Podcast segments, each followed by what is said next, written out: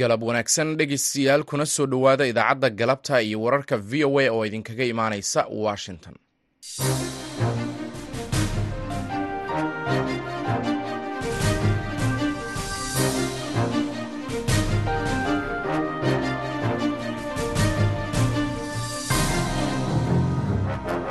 Waa galab isniin ah lixda bisha maarso sannadka labada kun iyo saddex iyo labaatanka waxaad naga dhagaysanaysaan mawjadaha gaaggaaban ee lix iyo tobanka iyo sagaal iyo tobanka mitirban iyo bogga v o a somaali dtcom saacadda afrikada bari waa afartii galabnimo.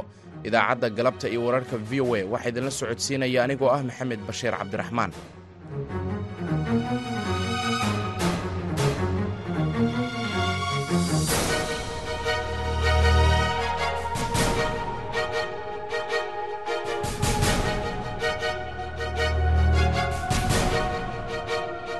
qodobada aad dhegaystayaal idaacadda galabta iyo wararka v o a ku maqli doontaan waxaa ka mid ah madaxweynaha puntland oo ka hadlay dagaalka laascanood waxaan rabaa inaan halka ka caddeeyo annagoo ogsoon inuu dastuurkeennu qorayo inay puntland ka tirsan yihiin. Ayaan haddana marar badan ku celinay inaan u oggolnahay inay ka tashadaan iyagoo miir qaba oo xabadi ku socon oo kuwa maqan ay yimaadaan oo kuwa jooga ay joogaan oo kuwa kale aragtida duwan intay fadhiistaan go'aanka ay qaataan baan kula shaqaynaa waxaad kaloo dhegaystayaal maqli doontaan barnaamijkii ilayska v o a oo ku saabsan muddo kordhinta somalilan.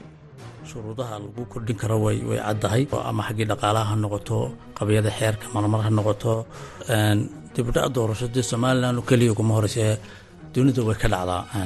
Meelo badan way ka dhacdaa. Marka somalilan dee laba kun iyo labadiiba dastuurka loo codeeyo la soo qaatay hanaankan xasbiyada badan. Dadweynihiina loo siiyey ama muwaadiniintii inay hana doortaan lana dooran karo. Qodobadaasi iyo warar kale ayaan idiin haynaa balse intaasi oo dhan waxaa ka horeynaya warkii caalamka.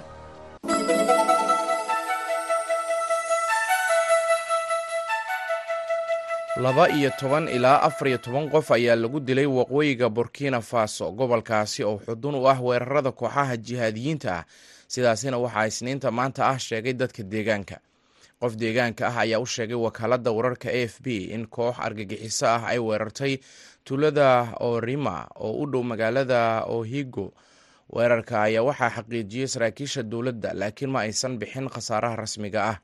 Ilo kale ayaa u sheegay a f b in labayo toban qof lagu dilay weerarka oo dhacay khamiisii. Qof kale ayaa isna sheegay in tirada dhimashadu ay korortay oo ay gaartay afar iyo toban qof dowladda ayaa maalintii jimcihii ee xigtay waxa ay gobolka waqooyiga iyo qeybo ka mid ah gobolka bartamaha dhexe ee dalkaasi ku soo rogtay bandow xilliga habeenkii ah oo soconaya inta udhexaysa tobanka fiidnimo ilaa shanta subaxnimo ilaa inta laga gaarayo koob iyo soddonka bishan. Inka badan boqo in ka badan toban kun oo qof ayaa lagu dilay burkina faso. Tan iyo markii kooxaha jihaadiyiinta ah ay ka soo gudbeen dalka deriska ah ee maali sannadkii labadii kun iyo shan iyo tobankii iyadoo dad ka badan laba milyan oo qofna ay guryahooda ka barakaceen.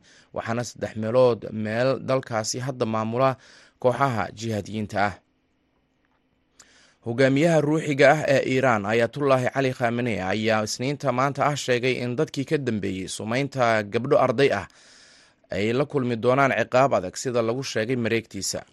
Dhowr boqol oo kiis oo sunta gaaska ah ayaa laga soo sheegayaa in ka badan konton iyo laba iskuul oo ku yaalla guud ahaan iiraan. Ilaa dhammaadkii nofembar ayaana sheekooyinkaasi ay dhacayeen sida ay sheegayso tirada rasmiga ah ee dowladdu soo saartay gabdhaha ardayda ah ayaa la soo wariyey in ay qaadeen xanuuno ay ka mid yihiin neef qabatin lalabo iyo cudurro kale. Kadib markii ay heleen ur aad u xun oo aan la garanayn taasi oo cabsi ku abuurtay waalidiinta uguna baaqay dowladdu inay soo farageliso khameney ayaa sheegay in haddii la xaqiijiyo in ardayda la sumeeyey ay taasi noqonayso dembi aan la ilaabi doonin waxaana uu sheegay in dadka ka dambeeya ay mutaysan doonaan ciqaab adag oo aan cafis lahayn. Madaxa garsoorka ee iiraan khulaam xuseen muxsin ejey ayaa waxa uu sheegay in maanta in shakhsiyaadka loo xiro sumeynta gabdhaha ardayda ah lagu soo oogi doono dacwad ah inay kharribeen dhulka eedaasi oo haddii lagu helo ciqaabteeda ay tahay dil toogasho ah. Saraakiisha iiraan ayaan weli sheegin in qof loo xiray sumeynta gabdhaha iskuulka dhigta ugu dambeynna in ka badan daraasiin duuliye oo ka tirsan ciidamada cirka ee israa'iil ayaa sheegay inay qaadici doonaan tababarada militari iyagoo ka gadoodsan dib u habeynta ay dowladdu doonayso inay ku samayso waaxda garsoorka ee dalkaasi oo dadka tallaabadaasi dhaleeceeya ay sheegayaan inay tahay mid khatar ku ah dimuqraadiyadda. Warqad ay soddon iyo toddoba duuliye u direen taliyaha ciidamada ayay ku hanjabeen in aysan ka qayb qaadan doonin tababarka oo uu qorshuu yahay in la qabto arbacada. Dib u habeynta garsoorka ayaa udubdhexaad u ah ajendaha xukuumadda ra'iisul wasaare benjamin netanyahu oo xafiiska la wareegtay bishii disembar netanyahu ayaa dib u habeynta ku sheegay mid isku dheelitiraysa awoodda laamaha dowladda isagoo aaminsan in nidaamka hadda jira uu awood aad uga badan tan xubnaha la doortay siinayo garsoorayaasha kumanaan israa'iiliyiin ah ayaa qabanayay banaanbaxyo waaweyn tan iyo bishii janaayo kuwaasi oo ay ku diidan yihiin dib u habeynta waaxda garsoorka. Warkii dunidana dhegeystayaal waa naga intaa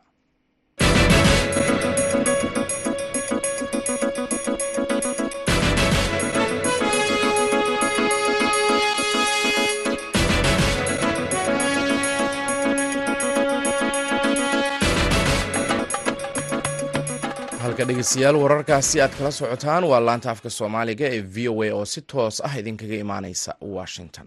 Galab wanaagsan mar kale.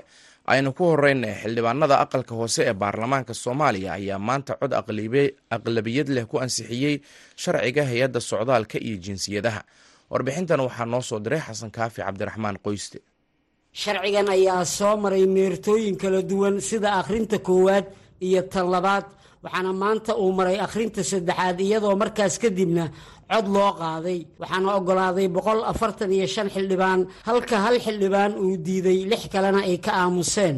Sida ay ku dhawaaqayso guddoomiye ku-xigeenka koowaad ee baarlamanka sacdiye yaasiin xaaji sanatar. konton iyo labo ahaa ogol boqol afartan iyo shan hal qof baa diiday hal xildhibaan baa diiday lix xildhibaanna waa ka aamustay waxaan u yeerayaa guddoomiyaha guddiga sidaasuuna ansax ku yahay sharcigii ansixinta kadib ayaa waxaa baarlamanka ka hor hadlay wasiiru dowlaha wasaaradda amniga maxamed cali xagaa oo xildhibaanada golaha shacabka uga mahad celiyey meelmarinta sharcigan. Mudanayaal iyo marweyn waxaan aada ugu faraxsanahay maanta sharcigii saddexaad inaad u ansixisay wasaaradda amniga gudaha iyo hay'adaha hoos yimaada ama ay ku leedahay korjoogtaynta waxaan aada u soo dhaweynayaa doodahii qiimaha badnaa ee dhex mara xildhibaanada muddadii ay socotay dooda sharcigan oo ah horumar iyo wax lagu faano. Waxaan u mahad celinayaa baarlamanka koob iyo tobnaad oo noqday baarlamankii ugu horreeyey ee meel mariya halkan fadhi sharciyadii ugu badnaa kulanka golaha shacabka ayaa sidoo kale maanta looga dooday warbixinta akhrinta labaad ee hindisa sharciyeedka maaraynta deegaanka kaasi oo horay u soo ansixiyeen golaha wasiirada xasan kaafi qoyste v o a muqdisho. Madaxweynaha dowlad goboleedka puntland siciid cabdulaahi deni ayaa xalay magaalada boosaaso wuxuu ku qabtay kulan oo isugu yeeray bulshada magaaladaasi kulankaasi ayaa lagu soo bandhigay barnaamij la xiriira horumarka magaalada boosaaso oo uu madaxweynuhu sheegay in laga hirgelin doono dhismaha wadooyin laamiya oo tiradoodu ay gaarayso sagaal iyo toban jid.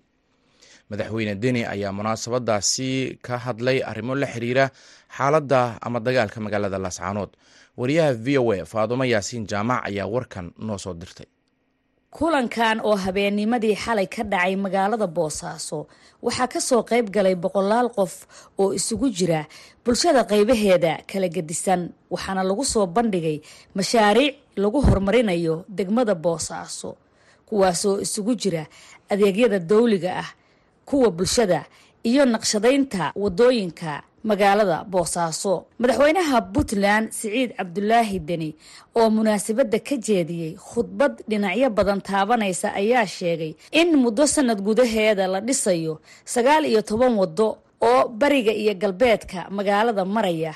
Dherarkooduna celcelis ahaan noqonaya konton iyo lix kilomitir. Waxaa halka lagu soo bandhigay in loo baahan yahay bari iyo galbeed in la sameeyo sagaal iyo toban waddo dherarkeedu uu noqon doono marka la isku celceliyo konton iyo lix kilomitir lana sheegay in tiro ku dhow soddon iyo toddoba guri ay haleeli doonto.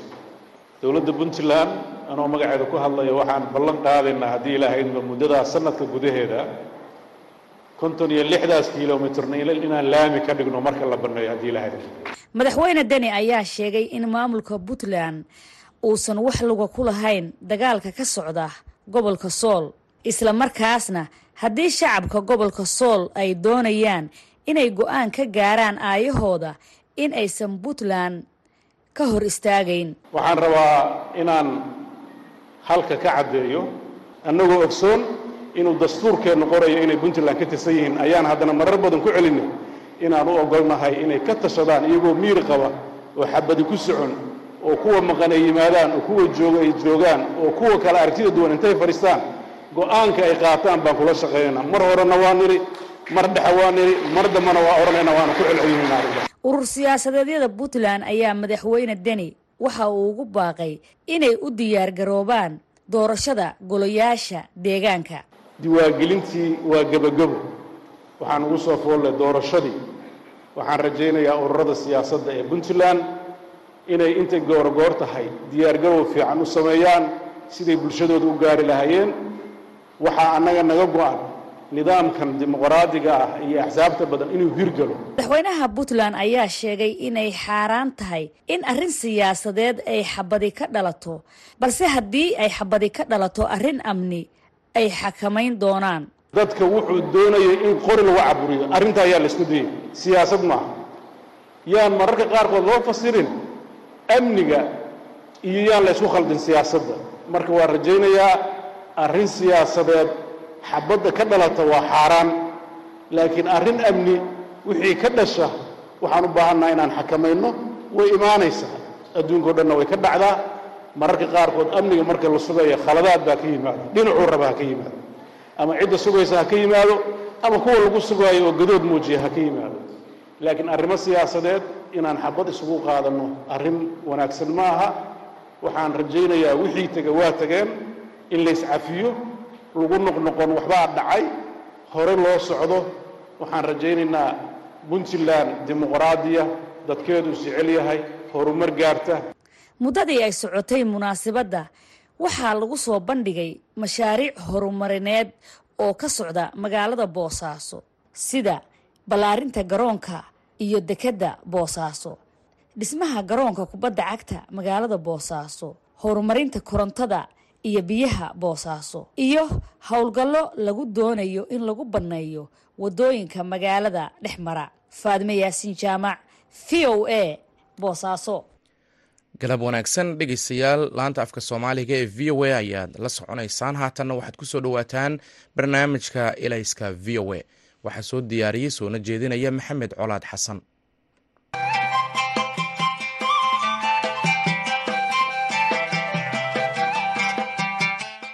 kulanti wacan oo wanaagsan dhegaystayaal ku soo dhowaada mar kale iyo barnaamijkii ilayska v o eda oo maalinta isniinta ah bishiiba laba jeer aad ka dhegaysataan. Idaacadda v o eda laanta afka soomaaliga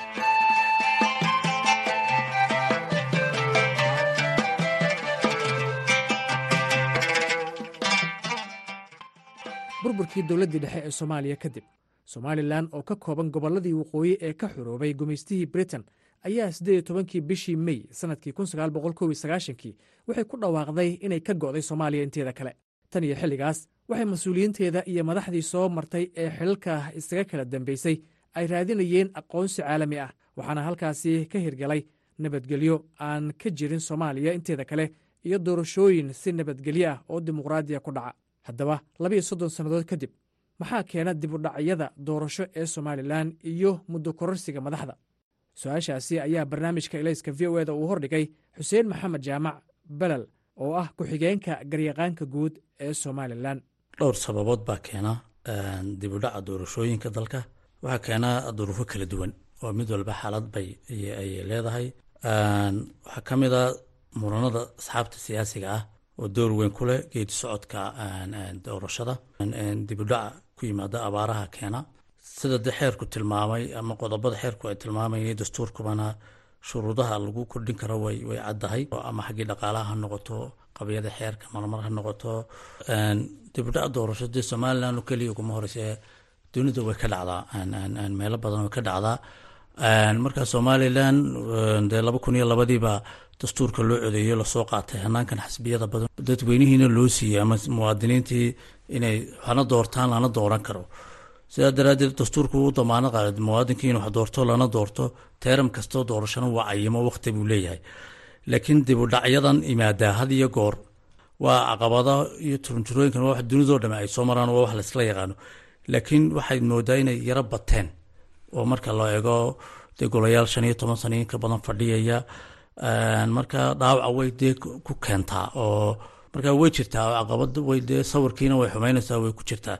Madaxweynaha haatan talada haya muuse biixi cabdi waxa uu wakhtigiisa ku ekaa saddex tobankii bishii nofembar ee sannadkii tegey laakiin waxa uu xilka weli ku fadhiyaa muddo kordhin laba sano ah oo ay golaha guurtidu u sameeyeen bishii oktoobar muddo kordhintaa oo xisbiyada mucaaradku ay ka soo horjeesteen dowladda somalilan ayaa ku doodaysay in muddo kordhintu ay dastuuri tahay marka loo baahdo waa kan xuseen maxamed jaamac belel mar kale dastuurkay ku qoran tahay muddo kordhintu xeerarka doorashooyinkana way ku qoran tahay marka dastuurka qodobka siddeetan iyo saddex iyo labiyo afartan oo golaha wakiilada iyo madaxtooyada si loogu kordhin lahaa wuu ka hadlaa haddii doorashadii madaxweyne ku qabsoomeyday madaxweyne ku-xigeenku in golaha guurtidu ay ay ay ay muddo u qabanayaan xeer namber koob iyo sagaashan oo xeerka guuda doorashooyinkana qodobkiisa lixaad farqada afraad iyo shanaadba way ka hadashaa oo commisshinku haddii uu qaban kari waayo ama qabsoomi weydo doorashadii madaxweynuhu sababo farsamo awgood oo technicality ah oo badanka waxay u badan tahay arrin farsamo u badan tahay. Wuxuu xeerku si dhigayaa in den waqti la siiyo commishinkuna uu ku diyaar garoobo dee duruufahana lagaga bixi karo. Marka haddii goor farsamo ahaan dib ugu dhacdaa oo ama diiwaangelin ha noqoto ama dhaqaale ha noqoto ama murankan xasbiyadii isu komishinkii doorashooyinka magacaabideedii diidmadii oo golii wakiiladuna ay qeyb ka yihiin way u dhacdaa. Ama dhaqaalihiio dee aan jirinoo dalyaro korayo oo aan wixiisi jeebka ku haysaninoo markuu wax qabanayo u baahan caawimo kale. Walow hadda doorashadii dambe ay dowladdu qabatayba marka walaal madaxweyne kasta horta waaba xeera waaba dastuuri in la qabto. Ujeedaduna waxay tahay dadku nabadanay soo dhisteen iyo halgankii loo soo maray iyo dibudhiskan qaranka ay wareen iyo saaskana iyagu u dhiseen aasaaskooda ee iyagu dee yahay tacabkoodii ay soddon sannadood wadeen ayaa loogu talagalay inaanay si fudud oo doorashadiiba dhici weydo sanadbaa dib loo kordhiyay aan qarankii u dimin belel ayaa dhinaca kale aaminsan in muddo kordhinta iyo doorashooyinka dib u dhaca ee somalilan aanay xukuumaddan oo keliya ku cusbeen laakiin ay ahaayeen wax ay madaxdu kala dhaxasho. Madaxweyne kasta xukuumaddu waxay kala dhaxlaan problemka doorashooyinka marka doorashadii oo midba mid riixaysaa marka matalanba doorashadii axmed siiraani markuu madaxweyneha ahaa soo riixantay ee dabeetana seventeenkii fifteenkii laba kun shan iyo toddobiyo tobankii soo gashay. Waxay dhaawac gaadhsiisay muddadii xisbiyada. Oo tobanka sannadood ayadoo watii muranka dee waagi dhoweyd ilaa iyagiiba ay liisanka ka dhacay. Waxay muran gelinaysaa tii madax tii golayaashii deegaanka iyo golihii wakiilada oo dib u dhici uu ku yimid oo iyagii golihii deegaanka lagu doortay iyadoo sanadu harsan xisbiyadii oo murankeena gelisay aad marka isriixaasi wuxuu keenayaa broland buu kolba wuxuu isriix siixmayaa cusub ee iman doona. Ayuunbay ku tahay. Marka intaan ka ogahay anigu madaxweynahan maanta joogo ee muuse biixi cabdi wakhtigii xilka la wareegay laba kun iyo toddobiyo tobanka bishii labiyo tobanaad. Bil markuu joogaba wuxuu bilaabay sidii uu geedi socodkii doorashooyinka golaha deegaankii golaha wakiilada oo qorshaysnaa laba kun iyo sagaaliyo tobanka abril uu taas foraskii iyo wadashaqayntii iyo hirgelinteedii dhabadiibuu markaa u sii jeexayay markiiba asxaabtii uu yeedhay wuu abaabulay. Laakiin muddo yar markii hawshii socotay asxaabtii mucaaradka ahayd waliba xisbiga wadani uu deedifeeyey commishinkii lama shaqaynayna anagu dabeetana murankii halkaa ka dhacay wuxuu keenay inay dhici weydo doorashadii seventeenkii. Dabeetana laba sannadood dambena commishinkii laysku haysto saameyntay taasi samaysana waxay sii dhaawacday. Doorashadii madaxtooyada laba kun iyo labaatanka saddex iyo tobankii nofembar dhici lahayd bay saameyn ku yeelato murankii jiitankiisii wuxuu keenay in laisjiijito commishinkii dambe la ansixin waayo golihii. Dabeetana wakhtigii ay ku diyaargaroobalan uu ka dhaco. Belel ayaa ka jawaabaya in muddo kordhinta iyo doorashooyinka wakhtigooda dib looga riixo ay khatar ku keeni karaan nabadgelyada somalilan. Haddii goor dowladaha afrikaankuna waxay buuqu ka dhaca mooba doorashooyinka. Iskabadda afrikaankii oo dee maraykankii baad ogeen in capital hiilkii la galay oo donald trump iyo murankii ka dhacay. Marka waa su'aashu laba laba jawaaboodba noqonsa haya mayaba way noqon kartaa oo haa oo haddii doorashooyinku mar walba dib u sii dhacaanuun oo la caadaysto sidan imika ay tahay way keeni kartaa inay nabadgelyadii wiiqanto. Oo dibudhacaasi wuxuu keenayaa dee inuu dhaawac ku yimaado hanaankii dimuqraadiyadda wuxuu niyadjab ku keenaya dad musharaxiinahoo doonayada inay xisbiyadii galaan iyo inay doorasho galaanoo u diyaargaroobaan iyo muddadii inuu ku dheeraanaysa qarashna uu ka baxaya. Waxaa kale oo ay saameyn ku yeelanaysaa dhalinyaradii oo dadka iminka ageka maanta joogaa waa dhalinyaro u badan yahay.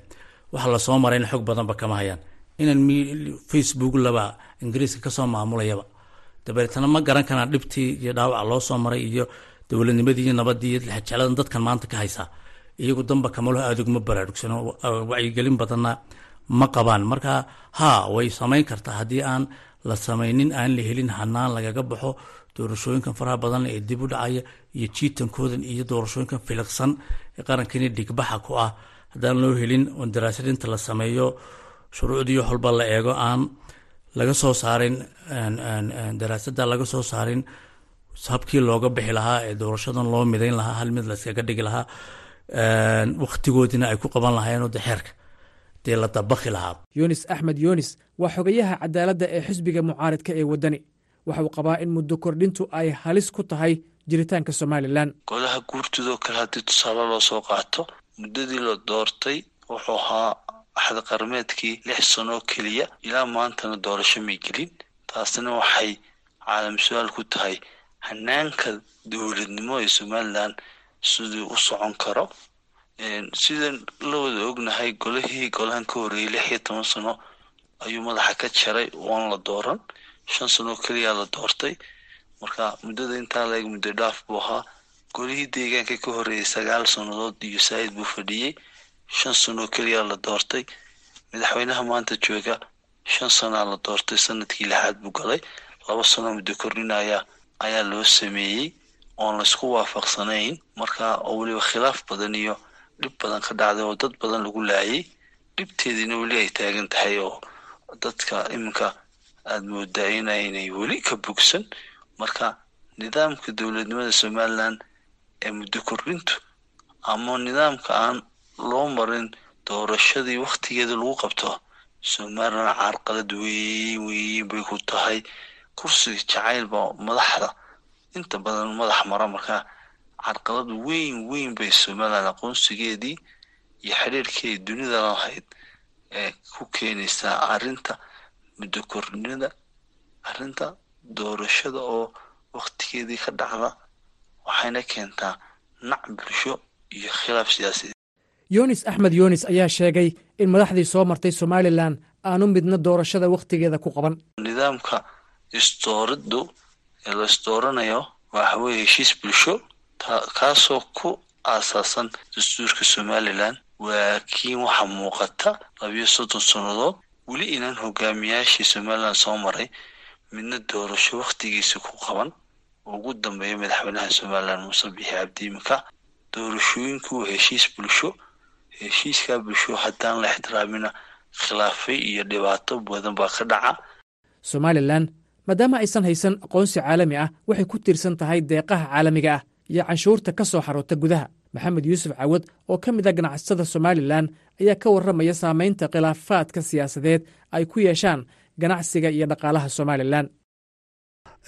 Marka ugu horeysa haddaanu ka hadalno dibudhaca doorashooyinku maxay saameyn ku leeyihiin?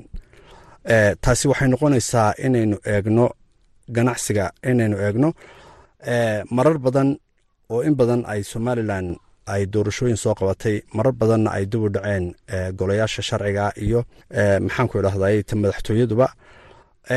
Dibudhaca ay keenaysaa keliya wuxuu noqon karaa in maxaanku idhahday xiliyada kala guurka ay ganacsigu hoosu yaro dhaco oo in yar aad moodo inay de istaago oo wax laga yaabo wax kala iibsigu.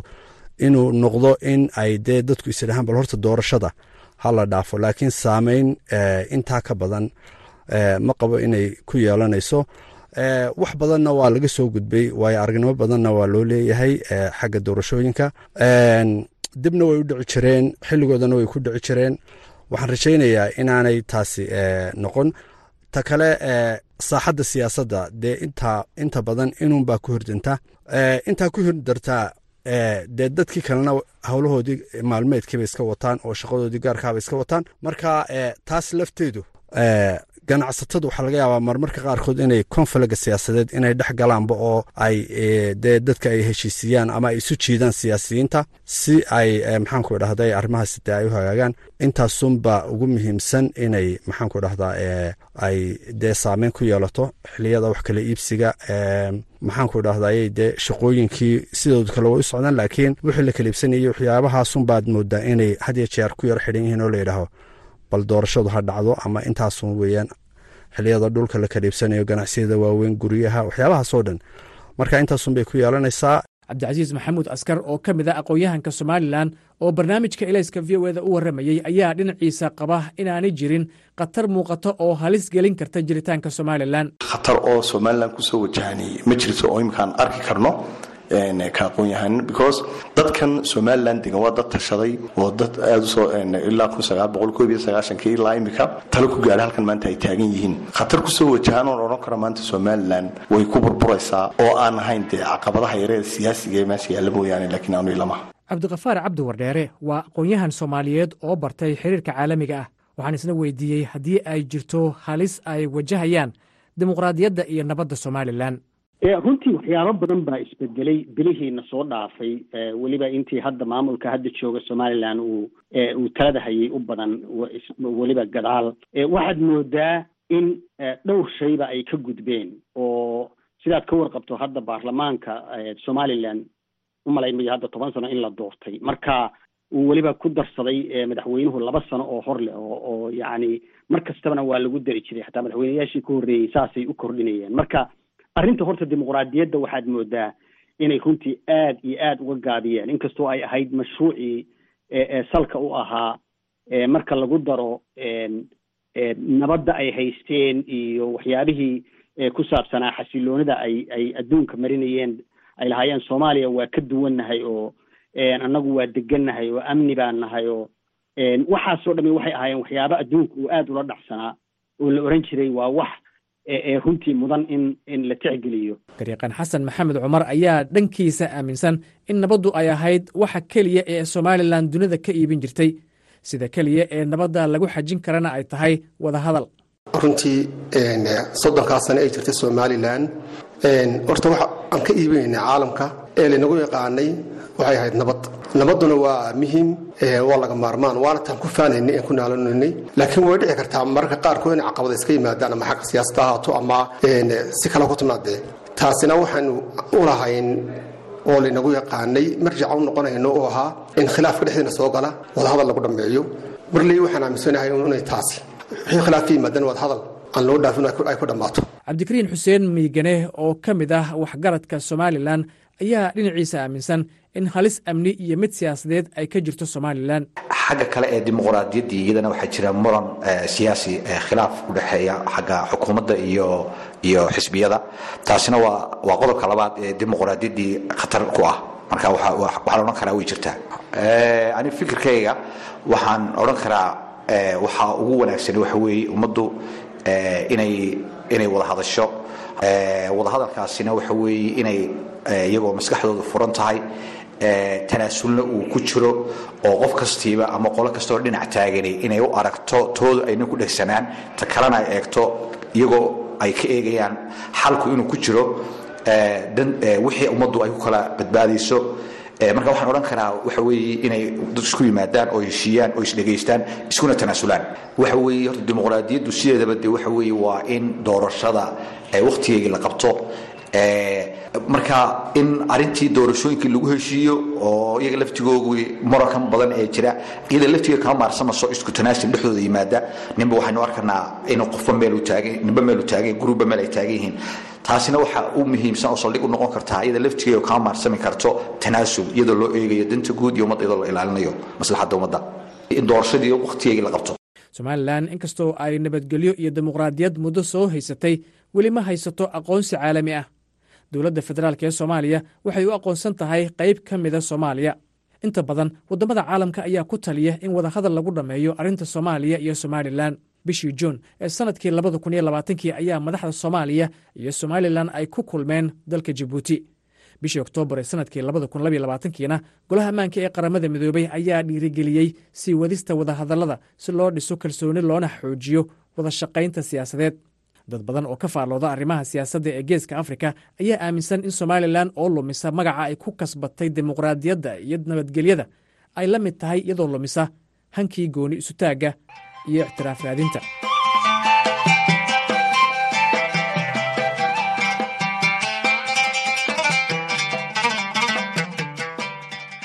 Intaas ayaan dhegaystayaal ku soo koobaynaa barnaamijkii ilayska v o eda ee toddobaadkan waxaa idinla socodsiinayey anigoo ah maxamed colad xasan barnaamijka ciddii uu seego waxay ka daalacan kartaa bogga aan ku leennahay internetka ee v o a somaali com ama boggayaga facebookga. Intaan barnaamijkan oo kale aan dib dambe ugu kulmayno waxaan idinkaga tegayaa sidaa iyo nabadgelyo. Mahadsanid maxamed colaad xasan oo barnaamijkaasi ilayska v o a halkan ka soo jeedinaya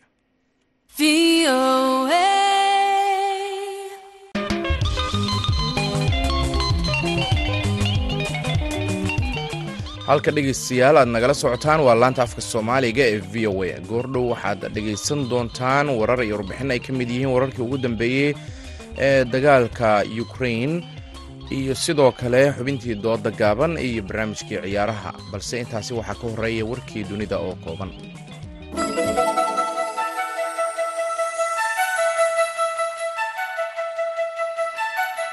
labaiyo toban ilaa afar iyo toban qof ayaa lagu dilay waqooyiga burkina faso. Gobolkaasi oo xudun u ah weerarada kooxaha jihaadiyiinta ah sidaasina waxaa isniinta maanta ah sheegay dadka deegaanka.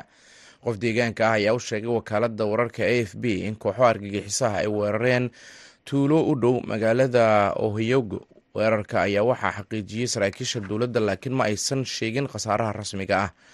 Ilo ku sugan deegaanka ayaa u sheegay a f b in labaiyo toban qof lagu dilay weerarka oo dhacay khamiistii qof kale ayaa isna sheegay in tirada dhimashadu ay kor u kacday oo ay gaartay afar iyo toban qof.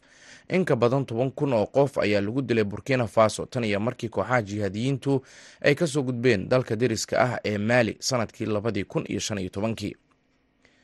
Hogaamiyaha ruuxiga ee iiraan ayatullah cali khamane ayaa isniinta maanta ah sheegay in dadkii ka dambeeyey sumeynta gabdho arday ah ay la kulmi doonaan cawaaqib adag sida lagu sheegay mareegtiisa dhowr boqol oo kiis oo sunta gaaska ah ayaa la soo sheegay ama laga soo wariyey in ka badan konton iyo laba iskuul oo ku yaalla guud ahaan iiraan. Waxaana kiisaskaasi la soo wariyey ilaa dhammaadkii nofembar sida ay sheegayso tirada rasmiga ee dowladda.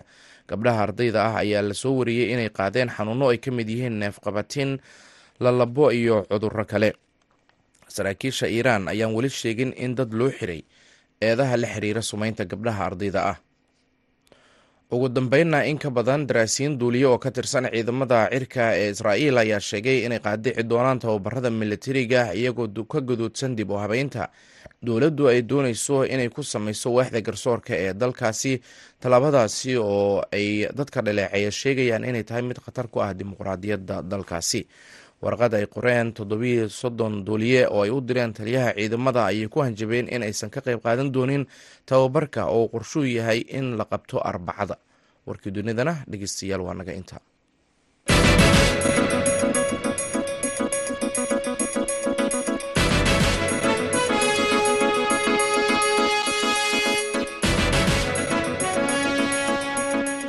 Laanta afka soomaaliga ee v o a ayaad nagala socotaan markana ukrain inta badan duulaanka ruushka ee muddo sanad ah ka socday dalkaasi ukrain ayaa u xuubsiibtay dagaal gacmaha la iskula tegay oo ka dhacaya gobollada bariga ee dalkaasi iyadoo ay taasina sabab u tahay ciidamada ruushka oo ay ka dhammaatay rasaasta madaafiicdu ama ay ku yartahay sida lagu sheegay warbixin ay qortay wasaaradda gaashaandhigga ee britain.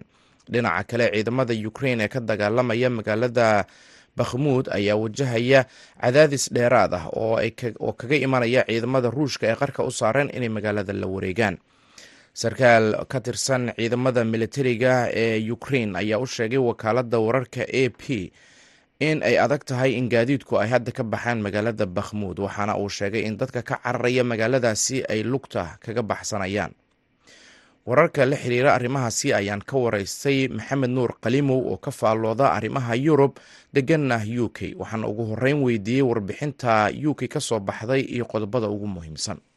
Run ahaantii wasaaradda difaaca ee ingiriiska muddaba waxay aada maaragtay ugu mashquulsanayd la socodka iyo taakuleynta dagaalka ka socda ruushka iyo ukraine iyadoo garab u ah ukraine. Marka warbixinta ay wasaaradda difaaca soo saartay waxyaabaha ku cad waxaa ka mid ahaa in dagaalka uu hadda isu rogay in gacanta layskula tago ayna sabab uga dhigtay ay yidhaahdeen ruushka uu ku yaraaday rasaasta artilleriga ila waayahan oo dhanba ilaa iyo muddo sanad ku dhow dagaalku ma ahayn mid ciidanku is arkaya ee waxay ahayn artillery in laisugu jawaabo iyo qalab maaragtay aan ciidanku is arki karin.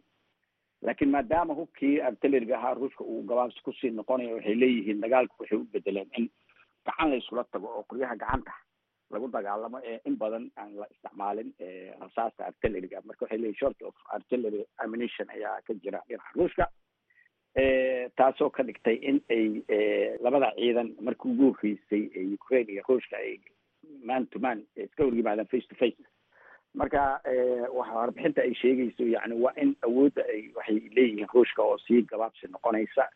Iyagoo aan ognahay in dowladda ingiriisku ay sida badan ay taageerto ukraine. Marka yani waxay caddaynaysaa in ruushka uu tabartiisu ayna ahayn aan awoodiisu sidii lagu yaqaanay ee markuu dagaalka bilaabanaya ay tahay iyadoo ujeedaduna ay tahay in ukraine lagu dhiirigeliyo inay dhulkeeda horeysato oo ayna ruushka oo sidii hore aan ahayn ay ka hortagto laakiin taasi kama hor istaagin ruushka inay qabsadaan magaalada bakhmuud hadda ay ugu dambeyn ay rogaal celin ay ku bilaabeen in dib u soo noqdaan iyadoo la maqli jiray waayahan dambe oo dhan ruushka oo magaalooyinka hore u qabsaday dib looga lagala noqday iyadoo dib ugarasho ay sameeyeen magaalooyin badan ay ka noqdeen. Laakiin hadda uu dib u soo rogaal celiyey uu qabsadayna magaalo hadda uu leeyahay waa inoo muhiim oo la yihahdo bakhmuud waa tahay magaaladan aada soo hadal qaaday ee bakhmuud ee toddobaadyadii ugu dambeysaba dagaalka xooggiisa uu ka socday waxaa la leeyahay magaalo istraatiiji ah ma ahan marka loo eego sida loogu loolamayo ama loogu dagaalamayo. Maxay tahay sababta labada dhinac ay xoog intaas la eg u gelinayaan magaalo aan sidaas istraatiiji u ahayn? Run ahaantii ruushka waxay u tahay qabsashada magaaladani ku qancin in isagoo ayaamahan waayahan dambe la maqli jiray in magaalooyin laga qabsaday even xataa shacabka ruushka ay dareen ka muujiyeen in dagaalka ay noqonayaan qolada luisgaraynaysa ayaa haddana rogaal celintan uu soo sameeyey magaalada uu qabsaday waxay wax ka taraysaa shacabka ruushka oo taageero badan u muujiya ciidankooda iyo madaxweynahooda iyagoo bilaabay inay dib u soo noqdaan. Wax weyn ka tari mayso ruushka oo laga qabsaday magaalooyin. Iyo in dib u soo noqday. Marka hadda waxaad moodaa in isagoo weliba dhawaanta u yeeray ciidankii kaydka ahaa ee ruushka ayaa loo yeeray. Waxaa laga yaabaa in putin uu dagaalkan markan uu u soo galo si xoog ah. Waayo wuxuu u yeeray marka hore ciidankii kaydka ahaa dardargelin badan oo xoog loola dareemi karaan waa kan hadda aan arkayno oo hadda magaalaba uu qabsaday. Halkii isaga uu dib u gurashada ahaa hadda isaga yani xagga hore u soo socda. Marka back homena waxbay ka taraysaa dadkii shacabkii ruushka ahaa waxay kaloo wax weyn ka taraysaa. Maqalkii ah in ruushka dib u gurasho badan uu sameeyey awoodiisu sii yaraanayso oo hadda maqalku isu bedeli doono inuu lagu qabsanayo in magaalooyin uu qabsanayo inuu dib u soo rogaal celiyo in ciidankiisa dib uu habeeyey inkastoo dagaalku aada u kulul yahay haddana waxaad moodaa u soo noqosho inuu bilaabay hadda oo ah in dagaalku uu dardar cusub geliyey. Taa laftigeeda wax badan bay ka taraysaa. Waanu ognahay magaalada bakhmuud strateji ma aha laakiin istraatiijiyada kale ee xagga miidiyaha iyo shacabka iyo caalamkaba ayay wax weyn uga taraysaa. Ruushka waa inuu dib u soo noqday. Waa tahay ugu dambeyntii maxamed oo dagaalka muddo wuxuu jira jirsaday sanad ayuu hadda kor u dhaafay ma jiraan wax dadaalo ah oo socda oo nabadeed oo la doonayo bal in si uun lagu soo afjaro?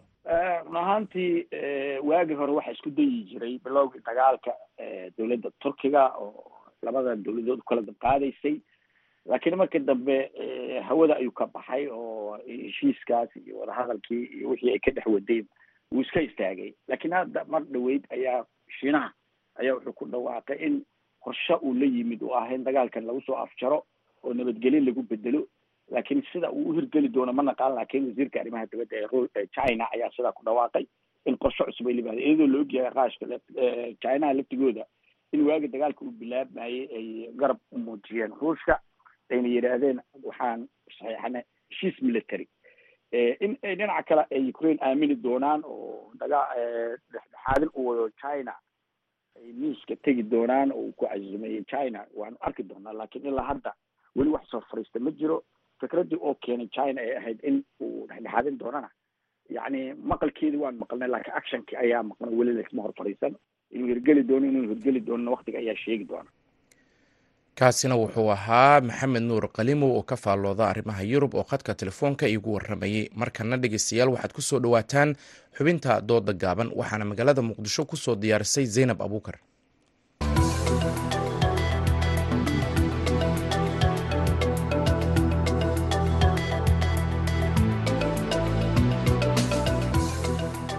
Kulanti wacan oo wanaagsan dhegaystayaal kuna soo dhowaada xubinta dooda gaaban ciidamo ka socda waddamada safka hore ayaa dhowaan la filayaa inay ku soo biiraan dagaalka ka dhanka ah kooxda al-shabaab ee ka socda dalka. Kadib markii dalalkaasi ay u midoobeen duulaanka socda haddaba ku soo biiritaanka ciidamadani door weyn ma ka qaadanaysaa sidii muddo kooban loogu soo afjari lahaa dagaalka al-shabaab. Waa mowduuca ay doodeenna ku saabsan tahay waxaa dooda igala qaybgalaya isxaaq xuseen mursal iyo doctor cabdinaasir maxamed geedi oo labaduba ka mid ah aqoon-yahanada soomaaliyeed waxaana su'aasha jawaabteeda ku horeeyey isxaaq xuseen. Bismillahi raxmaan raxiim seenabey waa mahadsan tahay. V o a waan salaamaya marka hore. Iyo adeegaba markaan ka hadlo waan ognahay beri dhoweyd in maaragtay madaxweyneyaashii saraakiisha dalalka dariska ee safka hore madaxdoodii iyo madaxda soomaaliya ay ku shireen magaalada muqdisho si loola dagaalamo kooxahan khawaarijta ah looga saaro dalka ayay isku afgarteen. Aniga marka waxaan aaminsanahay in lagu soo afjari karo wax yar muddo kooban la soo afjari karo maxaa yeelay waad ogtihiin haddaba ciidamada soomaaliya casharka ay u dhigeen khawaarijta amba argagixisada haddii ciidamada safka hore ay soo galaan waxaan aaminsanahay maadaama aan takhasus u leeyahay la dagaalanka khawaarijtina aan wax badan aan ka ogahay in muddo kooban lagu soo afjari karo. Waayo ciidan badan ma haystaan ciidamadooda awoodooda waa la weeqay hadda marka waxa weeye in las raaciyo bes eh ayay rabaan. Marka waa lagu guuleysan karaa qabaa sidaasaan aaminsanahay. Doctor cabdinaasir waa mahadsantaha walaal ku soo biiritaanka ciidamadani ee waddamada dariska waxaan is leeyahay anigu ilama aha inay wax badan ka bedeli karto ama micnaha si kooban loogu adkaa kara al-shabaab. Waxaan rabaa inay dadkeena aan xasuusiyo waxaa wadanka jooga hadda labaatan kun in ka badan oo ciidamo oo ka yimid wadamo badan oo afrikaan ah. Ciidamadaasi waxay haystaan qalabkooda iyo saadkooda oo u dhammaystiran. Waxay hore ula dagaalameen al-shabaab. Waxay wadanka joogaan wax ka badan toban sano. Anigu marka ma aqaano waxyaabahaas ciidamadaasi ee gobollada ay gobolka imaanaya ama waddamada safka hore ka imaanayo waxa awoodda dheeraadka ee la imaanayaan ay si deg deg u soo afjari karaan anigu ma fahmin. Waa wax uun laisleeyahay waa macquul wax waa ku soo kordhinayaan lama diidana. Laakiin sida loo dhigayo anigu ilama aha. Marka anigu waxaan qabaa ciidamada hadda joogo way ka saad fiican yihiin ciidamada soo geli doono ee ka imaan doono waddamada dariska.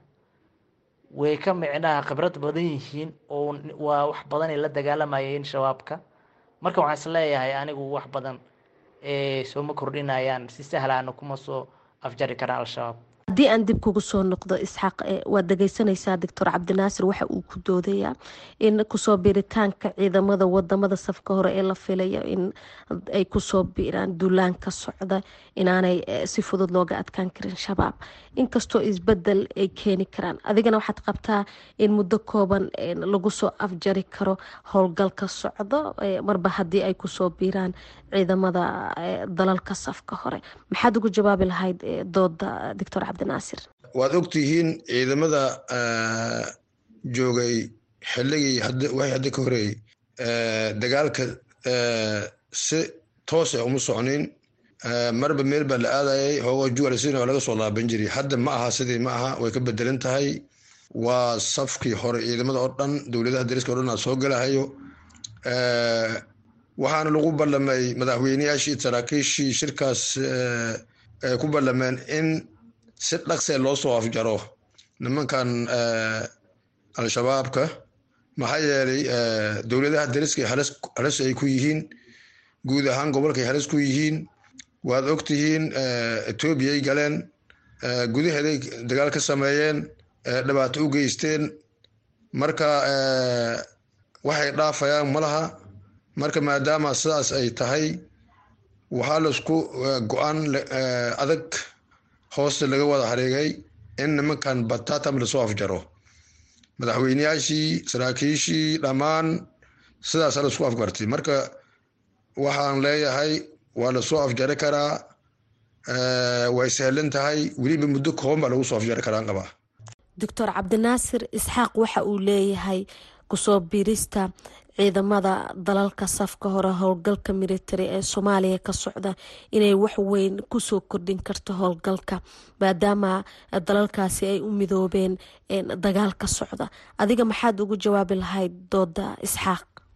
Waxaan rabaa horta marka hore inaan isla fahno shabaab ciidamada inay soo galaan shabaab dagaal ku qaadaan ma samey karaan. Waa sax way samey karaan.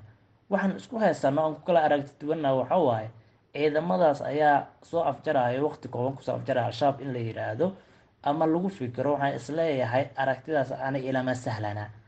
Haddaa haddaa fiiriso xataa wadamadani dariska ee saddexda wadan markaa mid mid u fiiriso mid kasta xaaladiisa hayaa haysata oo qaaska jabuuti hadda kama filan ciidamo badan inay keento.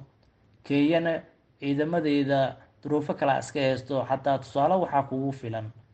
Markii soo galaysa jubbaland waxay qaadatay waqti aada u dheer inay soo gaaraan kismaayo. Haddana waa sidaas oo kale.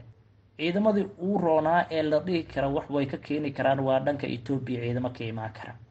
Ciidamada etoobiya ka imaanayane waxay ka soo baxeen waayahan dambe dagaalo sokeeya oo dhexdooda ah oo aada u wiiqay dhanka xagga ciidanka iyo xagga dhaqaalahaba. Marka duruufahaasi jira hadda ku soo aaday iyo xilligaani waxaan is leeyahay ma sahlanaa doonto inay dagaal gudaha soomaaliya ku galaan ay waqti kooban ku soo afjaraan. Laakiin dagaal waa bilaabi karaan. Xubintii dooda gaabanna maanta intaa ha inoo joogto. Waxaa dooda igala qeyb galay doctor cabdinaasir maxamed geedi iyo isxaaq xuseen mursal oo labaduba ka mid ah aqoon-yahanada soomaaliyeed. Inta doodan mid la mid ah ku kulmi doona dhageystayaal sidaa iyo nabadgelyo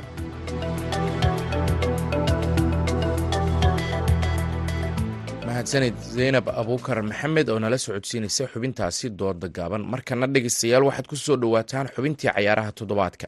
Waxaana soo jeedinaya mahad cali xidir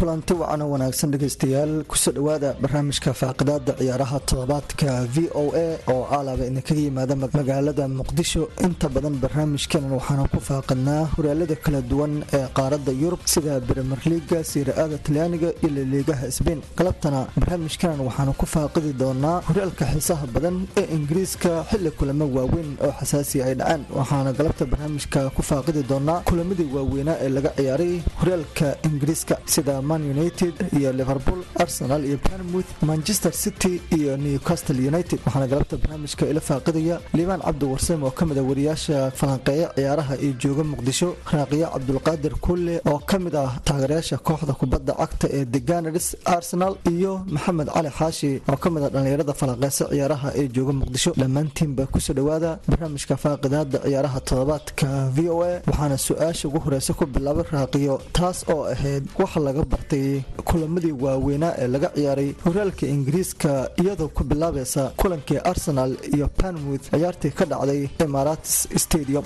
Waa dhawahay toddobaadkii lix iyo toddobaatanaad horyaalka premier leaga kulamo xiisa badanaa dhacay. Kulankii u dhexeeyay kooxda arsenal iyo banmouth kulan soo laabasho cajiiba arsenal samayso ahaa kulankaasoo arsenal liis dhaalile horyaalka gacanteeda wuu ka sii baxsan kara haddana soo laabasho cajiiba samaysay laba gool looga hormaray saddex ku badashay daqiiqadii ugu dambeysana nelson oo goolka saddexaad arsenal u dhaliyay arsenal xil ciyaareedkan waxaa dhihi karnaa horyaalka premier league. Ayada marabtii asaa raba horyaalka premier league.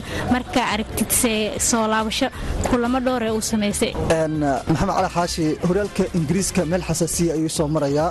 Kooxda kubadda cagta ee chelsea waa ay soo kacday hal ebrelil isku dhaaftay. Halka aan u imaan doono falanqaynta kulankii weynaa ee liverpool iyo man united. Hay soo dhow. Aad iyo aad mar kale waa ku dhowahay idaacadda v o a. Markii aan ka hadlo su'aashii hadda aad na soo dhex dhigtay ahayd chelsea oo hal iyo eber ee ku khaarijisay dhigeeda kale ee lidis runtii chelsea waxay u tahay kulankaas kulan aad iyo aad xamaasadeeda kor ugu kacday taasina waxaa ugu wacan macalinka oo asagana bareshar adag saarnaay oo kulumadii loo qabtay ee ka mid taha doosa badine ee noqon lahayd in oo ka qaato boorsadiisa gegada stanford bridge. Chelseana rajo weyn ayay soo gelinaysaa inayna u soo dhowaato saqafyada loogu dagaalamo yurub liiga sida jaambaha. Inkastoo aan isdhigi karin jaambaha awood badan way soo saari kartaa laakiin yurub liigoo kale waa laga yaabaa inay soo tiigsato kaalmahana ay soo cariirsato libaan cabdi warsame kulankii weynaa ee u dhexeeyey man united iyo liverpool kulankii xasuuqa ba'an loo geystay united garoonka anfield. Kusoo dhowo v o a maxaa ka leedahay? Xalay waxaa la ciyaaray kulamo ee ka tirsan horyaalka premier leaga kulanka hadda sidaa sheegtay isha lagu hayana kulanka weyn ee manchester united liverpool ayuu ahay oo anfield ka dhacayay ciyaartaasi inta badan waxaa la saadaalinayay. Haddii la kala badinaa in goolal yar lagu kala badi doono manchester oo form fiican ku jirta kulamada u dambeeyay waa cadar dhegaysay. Liverpoolna waa ka jajabneed oo lasama dhahayn liverpool. Hadday badisana goolal intaan la badi kartaa laakiin mucjisaa dhacdayo toddoba gool ayaa lagu dhuftay kooxdii kubadda cagta manchester united. Markii imaad garoonka anfield taageerayaashii oo markaasi aad u kacay liverpool oo kooxdana markaasi liverpool waxay doonaysa inay ku dhawaato booska afaraad ee loogu soo baxay champions league taariikh cusub ayaana dhacday. Toddoba gool in manchester laga dhaliyo waxaa ugu dambeysay sannadkii kun sagaal boqol. Soddon iyo kowdii ciyaar markaasi wolfis ay wajeen oo boxing day ahayd markaas la ciyaaray marka liverpool taariikhdaas ayay manchester united dib ugu celisay waxayna noqotay ciyaar laga yaabsaday taageerayaasha kubadda cagta. Intaas kadib kulankan manchester united lagu tijaabinaya horyaalka tartama u tahay oo arsenal manchester city ma tartami kartaa ayaa su'aasha eed. Laakiin kulankan ayay falanqaasha kubadda cagta dhan isha ku hayeen kulankan hadday soo badiso macnaha liverpool hadday ka soo badiso united waxaa loo rajeynayay inay tartamo noqon karto. Laakiin hadda warkaas waa isku dhammaaday waa inay champion leaga booska mataqaana saddexaad ama afartaba waa inay manchester united ilarstaa waa mahadsan tahay waa kugu soo noqonaa liibaan raaqiyo ma adiga fikradda ah in man united ay ka hartay loolanka horyaalka ingiriiska maadaama liverpool si ba'an ay kaga badisay. Waa mahadsan tahay misdhihi kare united way soo laaban kartaa? Ani aaminsanahay. Horyaalkana mala saadaalin karo city iyo arsenal united. Kulley waxaa isdhihi karaa united way soo noqon kartaa laakiin kaalinka saddexaad ama kaalinkeeda labaad inay ku dhammaysato waa laga yaabaa laakiin horyaal ma qaadi karto. Daradan adag way ka soo kabsan wax ku dhacayna xasuuqay ahaayeen manchester united inay soo laabtaana u reer manchester. Aad iyo aad maad horta waxaa xaqiiqo ku jirin inay arsenal horyaalkan tiidii ee ku qaadi lahayd ee tahay horyaalkan. Midda xigta afarta way iska caddahay. Liverpool hadda xoog badan soo wado. Newcastle iyo tottenhamna awood badan ay saarooyaan ma lahan. Kaalinta afaraad haddiisan tottenham iyo liverpool is u dhexeynin kaalinta afaraad liverpool way soo cariirsan doontaa. Halka arsenal ee tahay ka harsan tahay horyaalka kulan. Kaas kulan tijaabi u tahay. Waxaan rajaynaynaa lugta city bis aan cabsi badan ka qabnaa. Haddii aan nahay taageerayaasha arsenal lugtaas haddii atixaad inta tagna aan ka qaadana dhibcahaas waa kii naloo caleema saari doono waa tahay ugu dambeyntii waxaa ku soo gabagabeynaa raaqiyo cabdulqaadir guud ahaan markaa falanqayso maxaa ka qaldana horta man united in sidaan ay u ciyaarto oo liverpool ay ku tumato? Waa tahay ugu horreynba horta tanhaag wuu isqalday shaxduu ku soo galayay in xidigo fareed lamida uu garoonka ku soo bilaabo meeheen haddana way dhacday haddana bedelkii oo iska sii qalday martiini soo bixiyey. Marka united waxaa is dhihi karaa guuldara anfil ayadaa ka soo doonatay tanhaagna qaladkaas wuu ka shalaayn doonaa. Markaa eegna dhanka liverpool arnolda qayb ka ahaa xidigayaasha bandhiga cajiibka sameeyey saalax qaybuu ka ahaa walow laba gool uu dheliyey caawin uu sameeyey laba caawin ay ahayd ee gogbana laba gool uu ka dheliyey manchester united. Si la mid ah hormihiina gool uu ka dheliyey nuunesna laba gool uu ka dheliyey xasuuq gacanaa loo geystaa isdhihi karaa kooxda. Manchester united horyaalkana waxaa isdhihi karaa afarta sare. Arsenal haddaana anaga horyaalka waa qaadna haddaa nala caleema saare kaalinka labaadna manchester city qofna kuma heystaa isdhihi karaa wareeg saddexaad waxaa jeclaa lahaa newcastle inay gashaan xataa unitedna afaraad aada umahadsantaha aad baad mahadsantihiin dhammaantiinba kuwaas waxay kala ahaayeen maxamed cali xaashi raaqiyo cabdulqaadir kuulle iyo liibaan cabdi warsame oo dhammaantoodba igala qaybgelayay barnaamijka faaqidaada ciyaaraha toddobaadka v o a. Tan iyo kulankan kiisa xiga waa mahad cali xidir oo idinkaga tegaya sidaas iyo nabadiino mahadsanid mahad cali xidir markana dhegeystayaal gabagabada idaacadda inagu ku sii siqeynaa codka hiban nuure ayaan idin ciyaarina